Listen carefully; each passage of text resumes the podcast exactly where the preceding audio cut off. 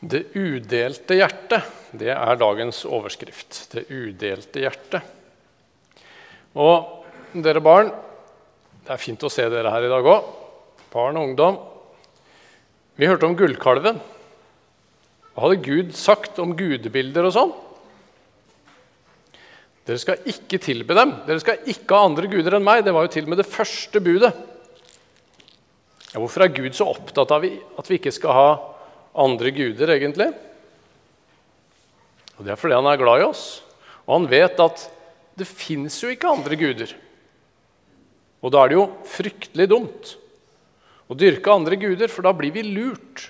Da dyrker vi noe som ikke har makt eller kraft til å gi oss det vi virkelig trenger. Vi søler bort livene våre på noe som ikke er sant, dypest sett. Og det leder oss ikke på den gode veien til himmelen. Fins ingen andre guder på ekte. Men hvorfor lager israelsfolket en gullkalv da? Det tok så lang tid før de så Moses og Gud. Moses hadde vært borte så lenge, så de følte de måtte ha en annen gud. Ja, for hvis ikke Gud er Gud, så er det noe annet som må fylle den plassen i livet våre. Og det var det som skjedde nå. Det ble et tomrom. De følte at Moses og Gud de var borte. Er det noen her som syns det er kjedelig å vente? Bare det å vente her i kirken til det hele er over, det kan jo for noen av oss være litt lenge noen ganger. Og hvis det blir helt musestille, hvis jeg stopper å snakke,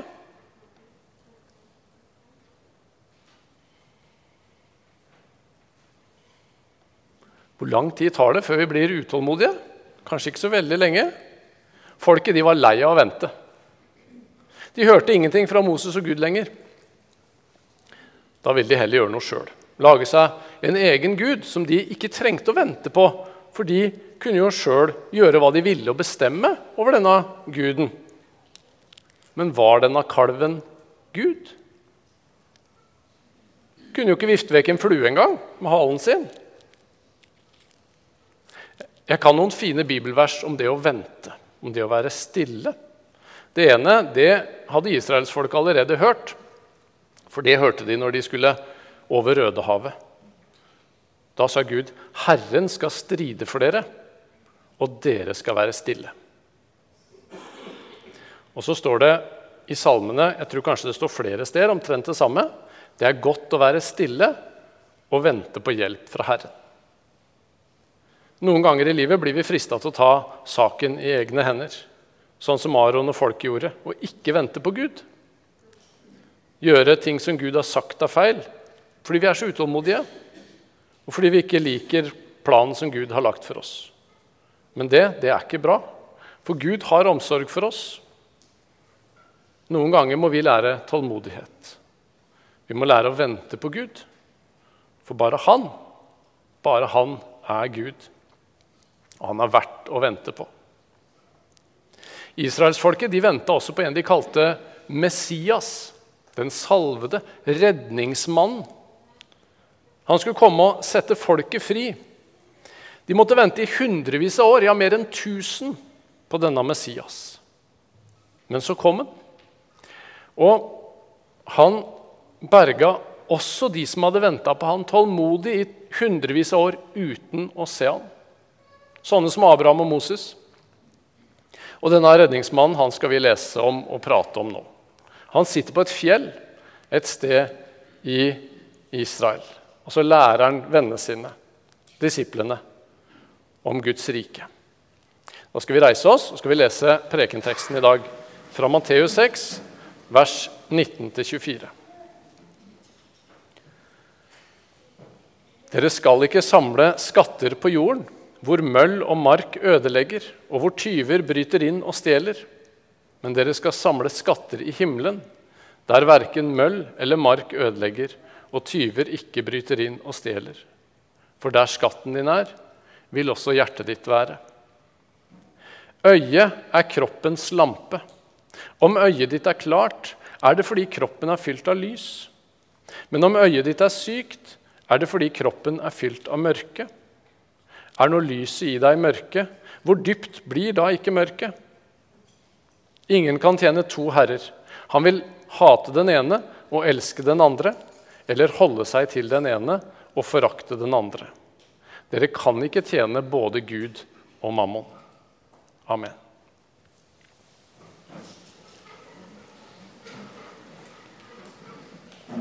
Vi er i bergpreken. Disiplene samler seg om Jesus, og folkemengden er også rundt. Så de er også med, og kanskje hører de også når Jesus taler. antageligvis. Men hva er det Jesus egentlig vil med denne talen, som vi finner i Matteus, og så finner vi også deler av det fortalt av Lukas i hans evangelium? Jesus er jo så urealistisk krevende. Elsk deres fiender. Ikke bruk sterkere ord enn ja og nei. Vend det andre kinnet til om noen slår. Mente han det egentlig, eller er det bare for å sette ting på spissen? Er det nye lovkrav? Er det nåde? Jesus mener det han sier. Og Jesus kommer med et nådebudskap. Det er påstanden vi skal dvele ved i dag. Et godt budskap Jesu ord er gode nyheter. Jeg ville nok heller høre du er god nok, du er god nok, Fredarve, som du er. Forstå meg rett, det fins en tid og et sted for sånne utsagn også, rett ment. Men Jesu budskap er ikke det. Når toller og syndere møtte Jesus, så hadde det ikke hjelpa stort om de fikk høre du er god nok som du er, bare fortsett med det du driver med. Eller til den spedalske eller den rusavhengige. Du er god nok som du er. Dette går nok bra, skal du se. Lykke til. Nei. Disse trenger ikke bare trøst. De trenger hjelp. Og det gjør vi òg. Jesus møter ikke mennesker med et klapp på skuldra og et lykke til, og, og så haster han videre. Jesus forandrer liv. Han handler. Han gir nytt liv. Dette nye livet møter vi i bergpreken. At dette livet finnes i Jesus, og det at vi inviteres inn i dette Guds rike, det er en uendelig nåde for oss. Dette settes du fri til i Jesus. Synd det er beskrevet som den menneskelige tilbøyeligheten til å ødelegge alt. Holdningene som ikke er som de burde være. Alt som fører oss bort fra det gode livet. Synden har oss i sin makt og gjør sjøl gode gaver som sex eller vin eller penger til tikkende bomber i våre hender, med et enormt potensial til å skape ødeleggelse, selv om det i utgangspunktet er godt. Så Jesus kommer ikke med en billig 'du er god nok'. Han kommer med en uendelig dyrekjøpt 'min nåde er nok for deg'. Du er god nok i meg. Du er uendelig verdifull, skapt, elska og villa av Gud. Velkommen inn til et nytt liv i mitt nåderike, til fullkommen tilgivelse. Bergpreken den viser oss nådens befriende kraft. I dagens tekstutdrag så er fokuset på fristelser i penger og eiendom og rikdom. Mammon er ordet for det som er brukt. Mammon kjenner ikke nåde. Mammon kjenner rus av avhengighet, av mer. Mammon blir aldri mett. Sakkeus, han tolleren, han fikk møte nådens befrielse fra nettopp mammon og rikdommen. Når han fikk se Jesus og ble sett av Jesus, så utbryter Sakkeus, 'Herre, halvparten av alt jeg eier, gir jeg til de fattige.' 'Og har jeg presset penger av noen, skal de få firedobbelt igjen.' Nåde er ikke bare teori. Nåde er kraft til liv, til nytt liv. Å bli se og se og bli sett av Jesus, det er også vårt eneste håp. For der skatten din er, vil også hjertet ditt være, står det. det udelte hjertet. Vi kan kanskje forstå det sånn intellektuelt. Om du elsker kona di 90% og elskerinna 10% hvilken kjærlighet er det? Det er en kjærlighet som ikke binder seg. Som lever med mulighetene åpne. Som holder litt igjen i tilfelle det skulle komme et bedre parti ruslende. Men det er ikke kjærlighet, det er kynisme. Ekte kjærlighet er udelt. Når solens stråler fokuseres på ett punkt gjennom et glass, så skapes det en kraft og en varme som kan sette sjøl en stor skog i brann. Når Jesu kjærlighet får være vår udelte skatt, så skapes det varme. Og hjerter i oss og hjertet rundt oss kan settes i brann. Og Jesus han finner det nødvendig å advare ganske kraftig mot noe som kan stenge for det befriende nye livet i nåden. Det vi eier, som hindrer og sprer Guds klare lysstråler inn i vårt liv. I historien fra ørkenen så hadde israelsfolket fått med seg store rikdommer fra Egypt. står det. Naboene kom og ga dem både gull og sølv og det de hadde av rikdommer når de reiste ut. Mengder. Det var Guds vilje at de skulle ha den rikdommen. Og av den rikdommen så skulle tabernaklet, Guds hellige tempelplass, bygges i ørkenen, dette teltet. Den skulle de få mulighet til å gi til ved hjelp av denne rikdommen. Frivillig og etter det de hadde hjerte for. Ta ut en gave til Herren av det dere eier, står det. Hver den som har hjertelag til det, skal komme med gaven til Herren. Gull, sølv og kobber. Mange hadde allerede brukt sitt på å bygge en avgud. Det sier egentlig alt. Rikdom er en velsignelse som veldig raskt kan snu om og bli en forbannelse. Jeg vil si litt om givertjeneste også i dag. Det er ikke ofte vi løfter fram. Vi skal gi av et villig hjerte, står det. Og så Samtidig så kan vi lese i Jeremia 17,9.: Hjertet er mer svikefullt enn noe annet. Det kan ikke helbredes. Det er jo dystert utsagn fra profeten. Hvem kan forstå det?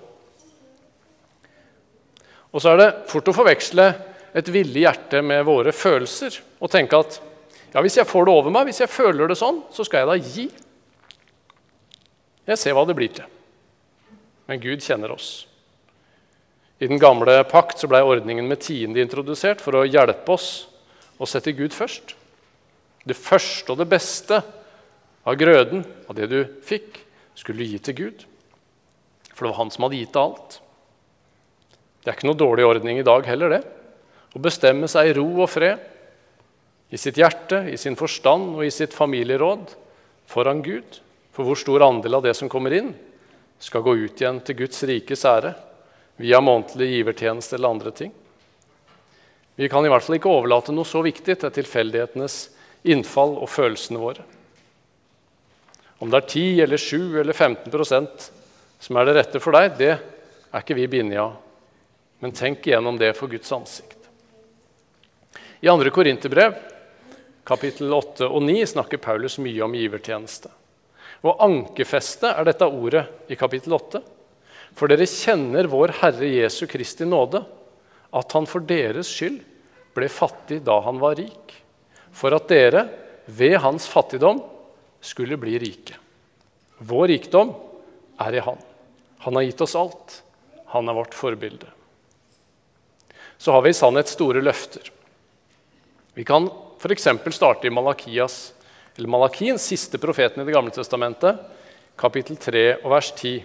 Hele det kapittelet er ganske spennende om dette å gi. Kom med hele tienden til forrådskammeret, så det finnes mat i mitt hus, sier Gud. Prøv meg på denne måten, sier Herren over herskarene. Jeg skal sannelig åpne himmelens sluser og øse utover dere velsignelse uten mål. Og I Korinterbrevet skriver Paulus.: den som så rikelig, vil høste rikelig. Søk først Guds rike, så skal du få alt det andre, er Jesu ord i bergprekenen. Og dette er sant. Gud kaller alltid Israel til å ta han på ordet, leve i avhengighet og tiltro til ham. Og som Israel, så oss. Prøv meg, sier Gud. Og så er det kan vi lese i Malaki, det er en rest som tar Gud på ordet, og det er en rest som gir blaffen. Sånn er det alltid. Og så er mitt svikefulle hjerte det er jo ganske raskt med å vri løftene fra Gud, sånn at givertjeneste bare blir en, egentlig en økonomisk gunstig investering for meg. For jeg får jo så mye mer igjen. Velsignelser i Guds rike de måles heldigvis ikke i mammons målestokk. Vår store velsignelse er at vi får leve i Guds velsigna nåderike. Vi får leve tett på Gud. I bergprekens rike, hvor mindre og mindre binder oss fast til den usunne mammon. Og mer og mer av Guds kjærlighet får skinne inn i våre hjerter. Det er saligere å gi enn å få, sa Jesus en gang, står det i apostlenes gjerninger. Så vil Gud sørge for våre timelige behov også, så lenge vi er her i tida. Men han slutter ikke å dekke våre behov her i tida. Han gir oss alt inn i evigheten. Så er det ikke lett å forstå bildet Jesus bruker med øye og lampe. Vi skal stoppe litt for det den siste delen. Tanken virker å være at en udelt ånd, et helt hjerte, det gir et udelt, et klart øye. Du får Du ser klart, og du går i lyset. Tenk på om du skal balansere over en tømmerstokk over en bekk. Det har jeg gjort opptil flere ganger i sommer. Stort sett gått bra. Hvis du fester blikket ditt på ett punkt der framme, et punkt som ikke beveger seg, så er skritta fort ganske stødige. Fester du blikket på Jesus og ikke på bølgene og på alt som er rundt, ja, da vet du Jesus beveger seg ikke. I ham er det ikke endring eller skiftende skygge. Han står fast. Han er orienteringspunktet som du kan stole på, som du kan sette kursen ut fra. Du når over til den andre sida når du holder blikket på Jesus. Ingen kan tjene to herrer. Om du har et tvesinnet blikk, om blikket skifter i alle retninger, så finner du ikke fast grunn. Du kommer ikke over. Jakob han skriver om det splitta sinnet i sitt brev. Det er et brev som jeg syns er vanskelig å lese. Krevende. Han skriver om det splitta og ustøe sinn. For den som tviler, ligner en bølge på havet som drives og kastes hit og dit av vind. Ikke må et slikt menneske vente å få noe av Herren, splittet som han er og ustø i all sin ferd. Her må vi skynde oss å si tvil det dukker opp hos enhver kristen. Enhver som tenker, kan også kjenne på tvil. Det er ikke den type tvilen som Jakob rammer her, og som han tenker på. Det ordet som ligger bak, det har også et element av strid i seg. Og det oversettes i apostlenes gjerninger f.eks.: De gikk i rette med ham. Altså Dette er en tvil som har motvilje og strid og kamplyst i seg. Og Er ikke nettopp budskapet i dag at det som ligger så lett for oss, det er å gardere oss og ha Gud som en av flere mulige løsninger? Om ikke jeg fikser problemet sjøl, så kan jeg gå til Gud. Jeg har da min barnetro, men livet det vil jeg leve sjøl og ta ansvar for sjøl. Det er en sånn tvil som Jakob vil til livs, en sånn motstand. Og I verset forut så skriver han om noen blant dere mangler visdom, han skal be til Gud, som villig og uten bebreide gir til alle, og han skal få. For Gud er visdommen. Han er ikke én av mange. Han er ikke en backup-plan. Han er visdommen, og han vil være din visdom og din rikdom. Ikke la deg drives og kastes av vinden. La rikdommen settes i arbeid. Så det blir som Luther så flott, flott sier det i fortalen til romerbrevet, når han har prata om nåden alene. Så sier han det er umulig å skille gjerninger fra tro. Like umulig som å skille flamme fra lys flamme og lys fra ild. I dag så kalles du og jeg til å leve i nådens befriende rike, hvor alt er gjort ferdig, og hvor Gud øser åndens velsignelser utover oss uten mål. Vi kalles til å gi Jesus, til å gi han alt det som hører ham til. Og det er alt. Også vårt gods. Da kan vi være fri og vite at ingenting kan lenger skille oss fra Hans kjærlighet til oss i Jesus Kristus.